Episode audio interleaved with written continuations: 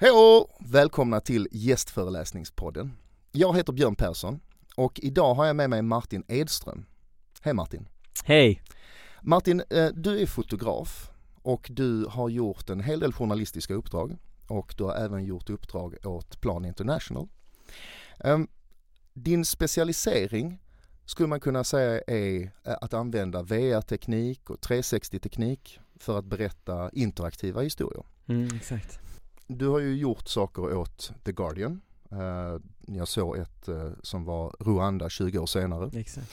Uh, du har gjort det åt National Geographics från världens största grotta är det, mm. i en nationalpark i Vietnam. Mm. Vad skulle du säga skiljer den här typen av berättande från det, det berättandet som vi är vana vid, det traditionella? den stora skillnaden det är att det faktiskt eh, liknar någonting annat, att det liknar spel.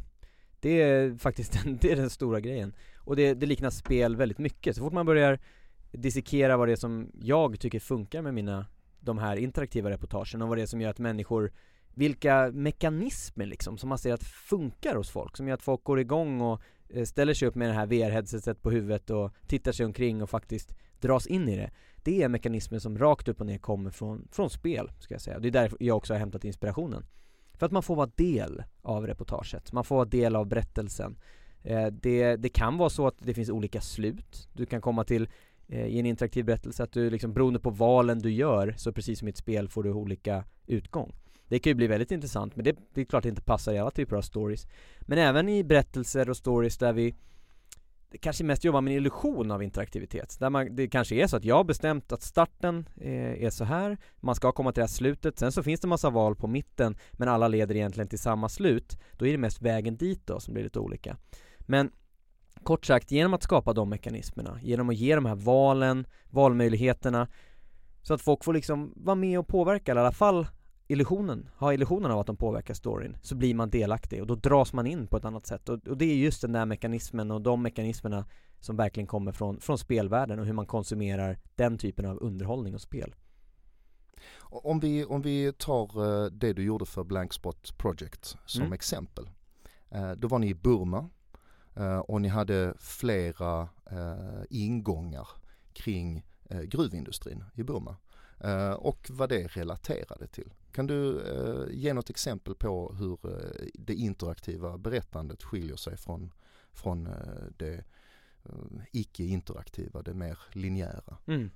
Ja men där hade vi gjort det som en vanlig text och ett vanligt reportage. Det, det gjorde vi, vissa delar av det, det, den berättelsen la vi ut som vanliga artiklar och reportage. För det exempelvis var ett avslöjande mitt i allt det här som hade att göra med Volvo, hur de säljer lastbilar till det här förbjudna, en av de förbjudna gruvorna där i området, vilket är politiskt problematiskt så, såklart. Så det var ju ett avslöjande som passade sig mycket bättre i textform. Det, det gick ut som en vanlig artikel där man kunde läsa om det avslöjandet rakt upp och ner. Mm. Men sen finns det delar av det här som är Det går liksom inte riktigt att sätta fingret på vad det är, men det, det har mycket Mycket med den här känslan av att vara där som blir så pass viktig. När man exempelvis är på plats i Burma som reporter och fotograf. Jag var där med Carolina Jemsby Eh, Jämsben, en eh, fantastisk journalist. Och vi får sitta med de här guldarbetarna, gruvarbetarna eh, i en liten hydda där de röker på opium och berättar om hur, hur hemskt deras liv är i princip och hur de måste röka på det här opiumet för att eh, för att stå ut med det de jobbar med och jobba så 18 timmars dagar och vad det nu är. Känslan av att sitta där med dem är svår att koka ner till en stillbild och till text det går, absolut. Och, jag menar, de bästa författarna här i världen och de absolut bästa fotograferna skulle ju troligtvis kunna göra det på ett riktigt bra sätt. Eh, men fortfarande finns det vissa delar av den upplevelsen. Det finns eh, liksom Det finns andra aspekter av att sitta där med dem som är rent av rumsliga. Som rent av handlar om atmosfären. Handlar om tyngden i luften medan man pratar med dem. Om man känner att det regnar på taket ovanför. Och de grejerna går aldrig riktigt. Det kan inte, på grund av mediets och formatets begränsningar kan ju inte ens världens bästa journalist och fotograf fånga det. Liksom hur, det, hur det känns med att höra sådana berättelser medan det regnar på taket ovanför. Och det är där, att lägga till den här rumsaspekten, där man speciellt då i VR får ta på sig ett headset och känna att man sitter där i hyddan. Där lyckas man ju få med någonting mer. Där har vi rent av att formatet möjliggör eh, en större upplevelse. Då är det nästan som att man sitter med oss där i tältet med dem. Och, och det där, är, det finns någon väldigt stor kraft i det där. Så speciellt när det handlar om den här typen av miljöer dit vi helst av allt skulle vi vilja ta med tittarna och läsarna. Men vi kan inte ta med alla dem till ett litet opiumtält i, i Burma. Så att då kunna transportera dem virtuellt där så de kan sitta med oss i VR, eh, det blir väldigt kraftfullt. Mm. Eh, och det är ju inte bara bild då utan det är också ljud. Mm, eh, ljud är så otroligt skapa viktigt. en miljökänsla liksom. Eh, jobbar du också med ljud? Ja visst, det Jag är inte ljudtekniker eller så men det, det är ju eh, det brukar jag lämna till, till andra som är experter på ljud när det gäller både inspelningen och redigeringen och sådär Men, eh, men just att jobba med ljudet är ju en fantastiskt viktig del, alltså troligtvis 50-60% av rumsupplevelsen ska jag säga. Det är i många fall starkare än bilderna och, eller videon då, beroende på vad man använder. För precis som jag, återigen, samma exempel där när man sitter i den här opiumhyddan med med, eh, med de här gruvarbetarna och de berättar sin historia så är det så mycket ljud som man inte ens tänker på. Och skulle man börja skriva upp dem i, i text så då är det spaltmeter för att beskriva alla de här ljuden. På håll har man ju liksom en moped som bränner förbi och allt vad det innebär att vi på något sätt lite nära civilisation eller finns en väg. Man hör syrsorna en bit bort, eh, man hör regnet som smattrar ner på Eh, på bambutaket på den, här, på den här hyddan. Man hör hur de, de här gruvarbetarna sitter och skruvar lite på sig. Man hör hur de eh, tänder eh, opiumpipan, man hör hur de inhalerar. Så många saker som man skulle kunna beskriva i ord självklart eller eh, man kan absolut inte få dem på, på bild såklart, på stillbild. Utan att lägg, använda det ljudet i form av att skapa den här rumsupplevelsen Det, adderar ju så otroligt mycket. Så när tittar man på det här utan att ta på sig hörlurar och skippa ljudet, då missar man verkligen en, en hel del. Mm. Men sen har jag uppfattat att, att, um, att um, man, alltså, du kan ju göra det till ett linjärt berättande även i 360 och VR. Ehm, Precis. Men din, ditt arbete, om jag förstår det rätt, du lägger rätt mycket tonvikt på eh, det själva eh, sandlådsmomentet. Alltså att man ska kunna röra sig eh, ganska icke-linjärt mm. i berättandet. Precis. Eh, när du jobbar, eh, vad, vad, tycker du är, är uh, huvudbiten i ditt arbete? Jobbar du mycket med liksom hur historien berättas eller de tekniska aspekterna uh, mm. att förmedla liksom? Ja, det är ju allt eftersom så mycket av den här utvecklingen kräver att man är om, om man tidigare har behövt vara en eh, ha, fylla många funktioner på en redaktion genom att både fota och spela in ljud och, eh, och skriva. Så för det här ju, med, jobbar man med VR och 360 kommer det till en helt ny nivå som journalist. Det, man måste ju läsa på och kunna så många delar av både det tekniska men framförallt våga tänka och planera och designa eh, nästan som spel då och liksom sätta sig och rent av designa ett reportage hur det ska funka, hur användaren ska kunna gå igenom det istället för att bara skriva texten rakt upp och ner. Mm. Så det är ju massa delar där. Men, och där gäller det jag är fortfarande känner jag i, i fasen av att utforska det. I alla de här reportagen så är jag, jag är självkritisk mot varje grej jag någonsin har gjort i det här för att det är alltid något som inte funkar. Det är alltid någon liten del man märker att här borde vi ju inte ha varit så olinjära, här borde vi ha styrt användarna mycket mer. Men det handlar om att komma till den här punkten och nu göra massa tester, treva sig fram i den här interaktiva världen som vi nu har möjlighet att börja skapa tack vare att tekniken har blivit så, så enkel att jobba med. Och, och göra de testen och för att någonstans komma fram till en plats där vi drar nytta av fördelarna med interaktivitet eh, men också inser vart gränsen går för journalistik. För självklart ska vi inte springa iväg och, som du säger, göra sandlådespel där folk bara får sin egen, vilken verklighet de än vill. Vi vill ju berätta en huvudstory oftast, eller några få som är sammanblandade i någon typ av story world. Och de, det är viktigt att de får träda fram på bästa sätt. Att vi lockar in människor tack vare att de får utforska, att vi får trigga spelmekanismerna som finns i våra hjärnor. Men att vi samtidigt inte går därifrån utan har missat huvudpoängerna. Självklart måste vi liksom testa oss fram tills vi hamnar där. Så det finns liksom valmöjligheter men det är ändå inom en, en avgränsad värld liksom. Mm. Uh, och man är inte helt fri så att säga att konstruera Nej. utan där finns liksom uh, innehåll.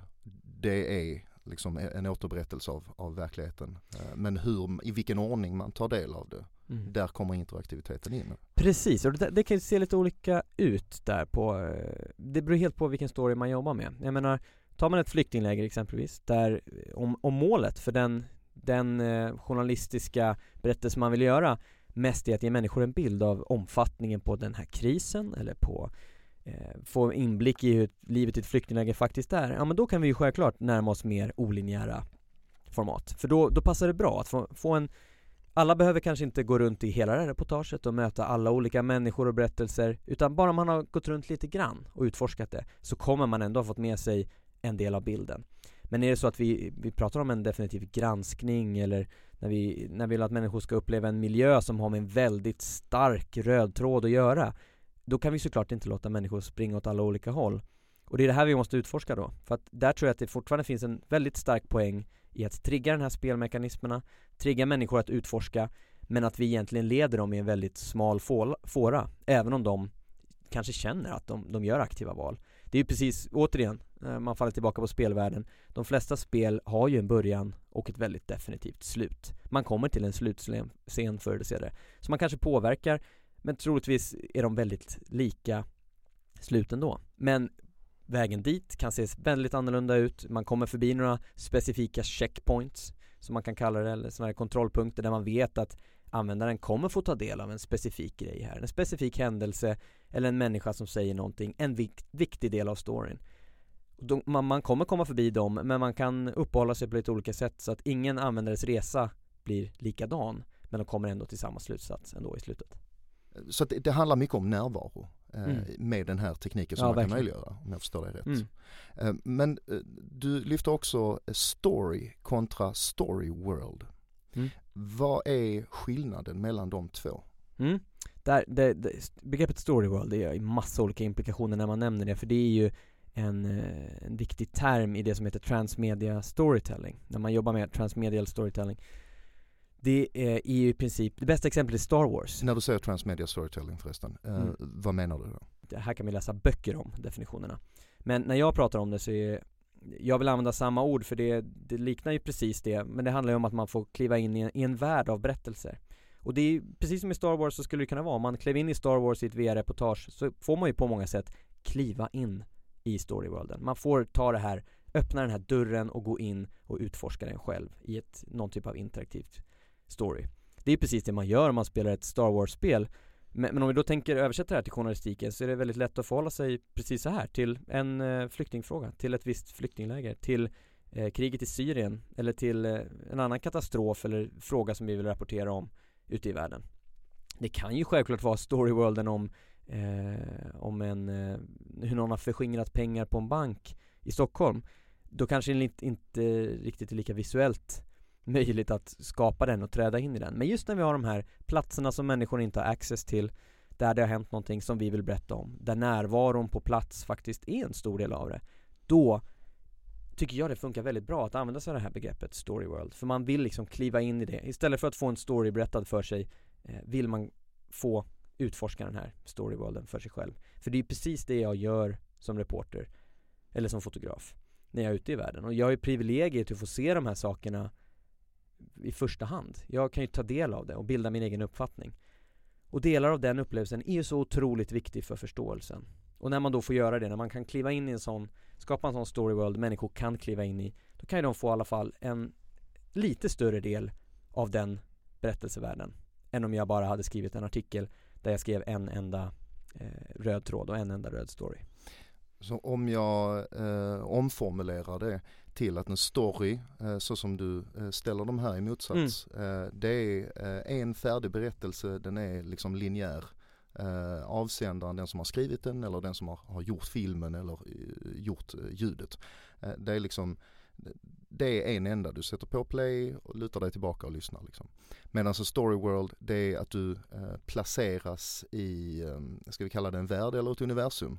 Eh, och där finns x antal fragmenterade stories eh, som, som man kan välja att lyssna på i den ordning man vill kanske. Eh, där finns en, en röd tråd, en minsta gemensamma nämnare. Eh, men de är inte nödvändigtvis eh, i ämne hänger de inte ihop på det sättet utan man försöker liksom beskriva en, en större värld, en större kontext.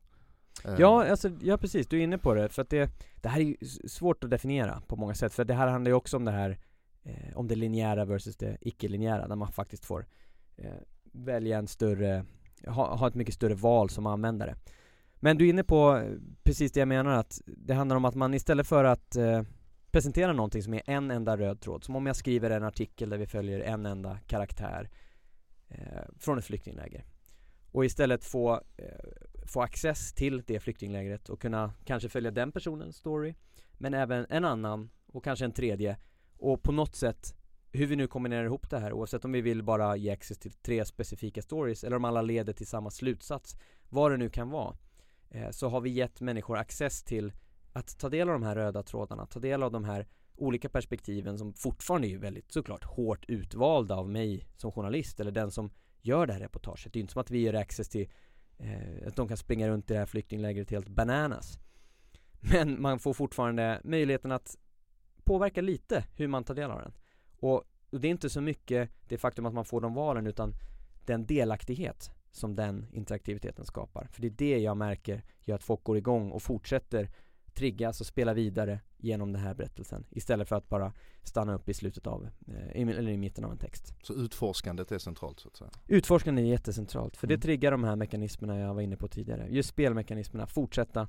Vi är ju en hel generation nu och kommer ju fortsätta vara det som är uppväxta med instant gratification av mobiler, mobilspel grejer där vi helt enkelt interagerar, där vi hela tiden ger någon typ av input innan vi får output och det, det, det, kan vi använda även inom journalistiken och trigga folk att fortsätta klicka vidare. Så att det inte är istället, för skulle vi jämföra ett av de här stora interaktiva reportagen istället skriva det i text så blir det ett väldigt omfattande textverk. Och att istället då få utforska det på det här sättet blir på många sätt ett mycket mer visuellt och upplevelsebaserat medium liksom, av egentligen samma information. Um, nu när du har jobbat med det här ett tag uh, och driver egen firma inom Eh, med specialisering på detta. Eh, hur skulle du bedöma eh, att den här formen av berättande tas emot? Skiljer det sig internationellt, nationellt? Och skiljer det sig mellan bransch och bransch? Till exempel den journalistiska branschen kontra den i övrigt kommersiella, andra kommersiella branscher. Mm. Ja, det, alltså det, det är ju det, det, är det där, det här är det stora som vi bara nu börjar se vidden av tack vare att vi kan oftast spåra saker i form av statistik både hur folk tar emot sånt här på webben eh, och i VR-appar och så vidare. I de flesta av de här instanserna kan vi ju spåra hur människor interagerar med det. Och sen så har vi såklart de, våra små empiriska studier i form av att testa det här på människor i små fokusgrupper, och åka ut i klassrum och visa de här sakerna och se rent handgripligen vad som funkar och inte. Och det står helt klart för mig att eh, oavsett vad det gäller interaktiva medier, oavsett om det är VR eller 360 som jag mestadels sysslar med, eller vad det än är här, eh, så är det så att för vissa människor funkar det extremt bra och för andra inte.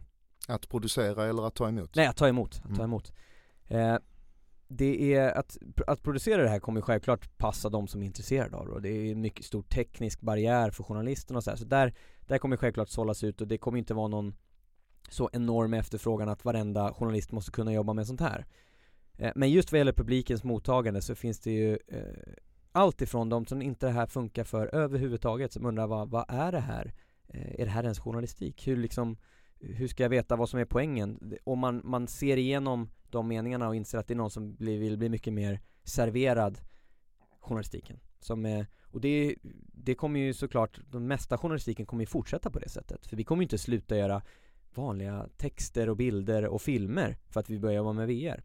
Men Å andra sidan då, när man träffar de här andra där det verkligen funkar på När det är människor som tar av sig headsetet och gråter för att de connectade så starkt och kände att de verkligen var på plats där eh, och mötte de här människorna de fick träffa i en virtuell version av verkligheten Där har det gått hem otroligt bra Det här, det funkar otroligt bra på barn Barn, i, barn idag i klassrummen, de är ju vanare vid teknik och interagera med saker än vad jag är så att där finns det ju de, innan, innan fröken eller läraren i klassrummet bara har ens fattat vad det är vi ska göra så är barnen tagit på sig de här VR-headseten och fått det att funka och springer runt i, i de här VR-reportagen vi har skapat.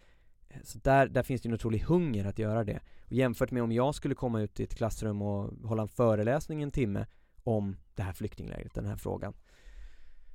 Eh, och låta dem möta flyktingar genom mina stillbilder så blir det här så otroligt mycket mer effektivt eh, där alla får skapa sig sin egen bild och eftersom de rent av går runt här i, sin, e, i, i den här virtuella verkligheten så skapar de ju nästan egna minnen kring hur de besökte det här lägret tar av sig headsetet och vissa är helt förstörda och här såklart, nu kommer en väldigt intressant tid av forskning också kring det här och se hur påverkar det faktiskt att man känner sig som man faktiskt är där? Är det så att vi på riktigt lurar hjärnan och faktiskt känner oss att vi är på plats och skapar nya minnen eh, kring, från de här reportage, reportagen och berättelserna vi har fått ta del av i VR Om det visar sig att så är sanningen, då har vi ju verkligen kommit in på någonting som kan förändra vårt sätt att berätta eh, på djupet och oavsett det så tycker jag att jag ser tillräckligt mycket bra, bra feedback för att veta att det här, det här mediet, det här typen, sättet att berätta, det kommer funka otroligt bra för vissa.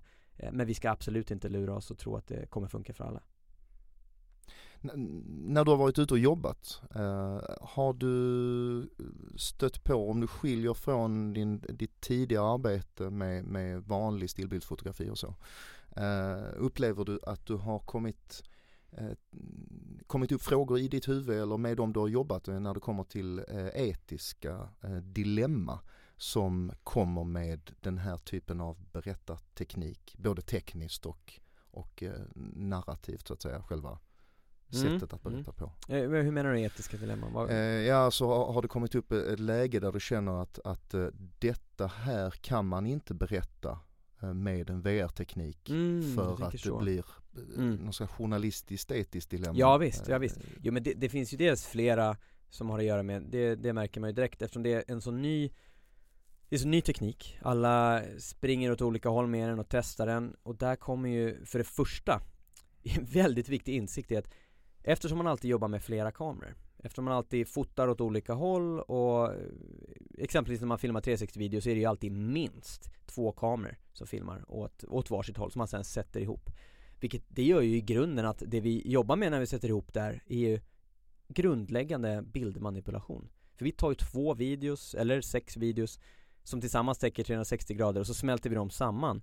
Och självklart i de här fogarna, i de sömmarna och sånt där vi jobbar, där rent bildmässigt så sker det ju en bildmanipulation där. Så fotografiskt, eh, om man tänker nyhetsjournalistik, det är ju aldrig tillåtet för nyhetsfotografer att manipulera bilder på något sätt eller att redigera video, ta bort något i kanterna och eh, liksom det, det är ju en, ett enormt tabu, det är ju något man självklart inte jobbar med. Så har vi den här nya tekniken som faktiskt kräver det. Där har vi ju en enorm diskussion som är eh, bara sådana här saker som att när man filmar i 360 så får man ju alltid med ett stativ med i bild. Eller om jag som fotograf står och håller den här kameran på en påle, då syns ju jag i bild. Och diskussionen där rent fotograf, fotografiskt etiskt är ju Ska vi få eh, ta bort oss då? Ska vi kunna ta bort oss själva ur bilden när vi, eh, när vi, när vi självklart syns där i 360? Eller ska vi ta bort stativet? Det här är mitt svar hittills att man absolut inte ska göra det eller fortsätta den manipuleringen när man jobbar med journalistik. För det är viktigt att vi alltid kan visa upp för tittaren och användaren att det här är hela bilden. Nu ser ni fotografen här, för han var där och han höll i den här kameran, därför syns han. För att det är filmat i 360 grader, så det är klart han syns. Men där, där har vi en stor diskussion kring, ehm, kring ja, det fotografiska, hur, hur, man faktiskt jobbar med den här, när det i grunden är manipulerat på det sättet. Men sen även journalistiskt, så självklart är det så att vi, vi stöter på även sådana barriärer där det ibland kan bli för starkt. För VR blir ju så otroligt starkt när det görs bra. När man faktiskt tar på sig ett headset och försvinner in i en annan värld. Att det nog kan bli för starkt för vissa. Och där kommer vi absolut behöva vara försiktiga. Där jag redan nu märkt hur, starkt, eh, upple hur stark upplevelsen kan bli för människor så de börjar gråta och bara möta människor på det sättet. Så kan vi självklart, måste vi, när vi börjar sprida det här på en mycket större nivå, måste man börja tänka sig för noggrant så man inte sprider scener och att vi inte drar och filmar den här typen av innehåll och den här typen av journalistiska berättelser från, eh, från platser och om vi tänker exempelvis på krigszoner och liknande sån rapportering där det skulle kunna bli alldeles för hårt och människor rent av eh, rent av känner sig traumatiserade av vad, vad, vad det är de tittar på. För vi har tittare över hela världen som kan vara vem som helst och kan påverkas väldigt starkt. Och att då få ta på sig ett sånt här VR-headset eh, det, det kan nog vara nästan skadligt om det är en för stark upplevelse. Uh, man går lite, om man tittar lite framåt, vad är, vad är ditt nästa? Eh, Vad håller du på med just nu? mm. Eh, Kan vi börja med? Ja, just nu, jag håller på med ett hemligt projekt som jag inte, inte får berätta om. Det tar, my- tar mycket av min tid just nu. Men jag, jag är framförallt väldigt intresserad av utforska perspektiv, så långt kan jag säga. Att testa, inte så mycket ämnesområden, för det, jag är övertygad om att den här typen av berättelser kommer funka vitt och brett, vad man än vill, vill berätta om så kommer vi kunna använda interaktiv storytelling till det. Men att utforska perspektiv och se de här sakerna som vi verkligen aldrig ens har kunnat drömma om att göra med text och bild. Exempelvis det här att kunna placera någon så att de faktiskt blir någon annan. Jobba med inre och yttre perspektiv där vi faktiskt kan ta på oss ett sånt här headset och bli, verkligen bli någon annan. Titta ner på sina fötter i virtual reality och se någon annans fötter. Och så går man runt i deras skor en dag. Det är som det här gamla uttrycket att uh, try to, uh, before you judge a man, walk a mile in his shoes. Och det passar ju så otroligt bra på journalistiken också. Vi måste vi måste kunna leva oss in i andras världsbild, se hur, oavsett om det är eh, hur en eh, toppolitiker lever sin dag eller om det är en eh, flykting i Sudan eller om det är en eh, bananbonde i Ecuador så måste vi kunna liksom ta oss in i andras, andra världsbilder. Det är ju mycket det journalistiken handlar om och det jag har saknat mycket. Den typen av folkbildande funktion där man får ta del av andras vardag. Och där är ju den här kraften så stor. Så att utforska de perspektiven, hur långt kan vi dra det inom journalistik innan det, innan det blir spel? Hur långt, var går gränsen där det blir plojigt eller där interaktiviteten rent av drabbar eh, journalistiken och att, så att den blir sämre? För då ska vi såklart inte göra det. Och utforska det där, så eh, senaste exemplet det var när vi Vi håller på med ett projekt just nu för National Geographic igen där vi har testat att filma VR eh, för att skapa en sån här upplevelse från en flock med lejon väldigt långt från mina vanliga, vanliga ämnesområden. Men det är som sagt inte det som är grejen. Även om inte jag har jobbat med lejon förut så handlar det om att utforska det perspektivet. Vi är vana att se lejon från håll, där någon har filmat eller fotat dem där 200 meter bort med ett långt teleobjektiv. Nu förde vi istället in 360-kameran bland lejonen, så man fick vara del av den här familjen av lejon i Zambia och försöka lära känna dem på plats som att man ligger bredvid dem. Där har vi en perspektivförändring som bara aldrig har varit möjlig förut. Vi har sett lejon på håll, vi har sett dem, även om vi kan zooma in på dem så har vi aldrig varit bland dem. Men när vi kan börja nästan röra oss mot att känna hur det är i huvudet på ett lejon utforska den typen av perspektiv tycker jag är otroligt intressant och det är där det, det tycker jag är jätteintressant att fortsätta utforska för där har vi bara skrapat på ytan. Då, då, då har jag några en sista fråga. Vi har Mm. kommit till sista delen i programmet. Ehm, och, och de som lyssnar, eh, det är nog ganska blandad skara. Eh, men vi pratar ju om journalistik eh, och berättande och det kan man ju också göra i, genom reklam och annan typ av, av ehm, eh, kommunikation. Mm. Eh, men om du skulle ge tips till de som tycker att detta är ett intressant sätt att berätta. Um, vad skulle du ge för tips då om man vill ge sig in i det här? Ut och experimentera. Det är det det handlar om. Varför jag slutade jobba på redaktionen och började frilansa var för att testa de här sakerna. För man kommer på idéer och det bästa är att se till att skriva upp alla de här och faktiskt testa dem på ett eller annat sätt. Annars eh, sitter vi där, har massor av idéer och undrar hur saker skulle funka men det är trots allt när man tar upp kameran, bara går ut, testar, läser på vad man behöver för att skapa det här eh, och gör en liten prototyp. Det är då det börjar hända magi. Okej. Tack så jättemycket Martin. Tack så jättemycket för, för att du ville vara med. Det var alltså Martin Edström som eh, jobbar med journalistik i huvudsak men också annan form av kommunikation och framförallt genom eh, storytelling som baseras på, på virtual reality och 360. Tack så jättemycket. Tack!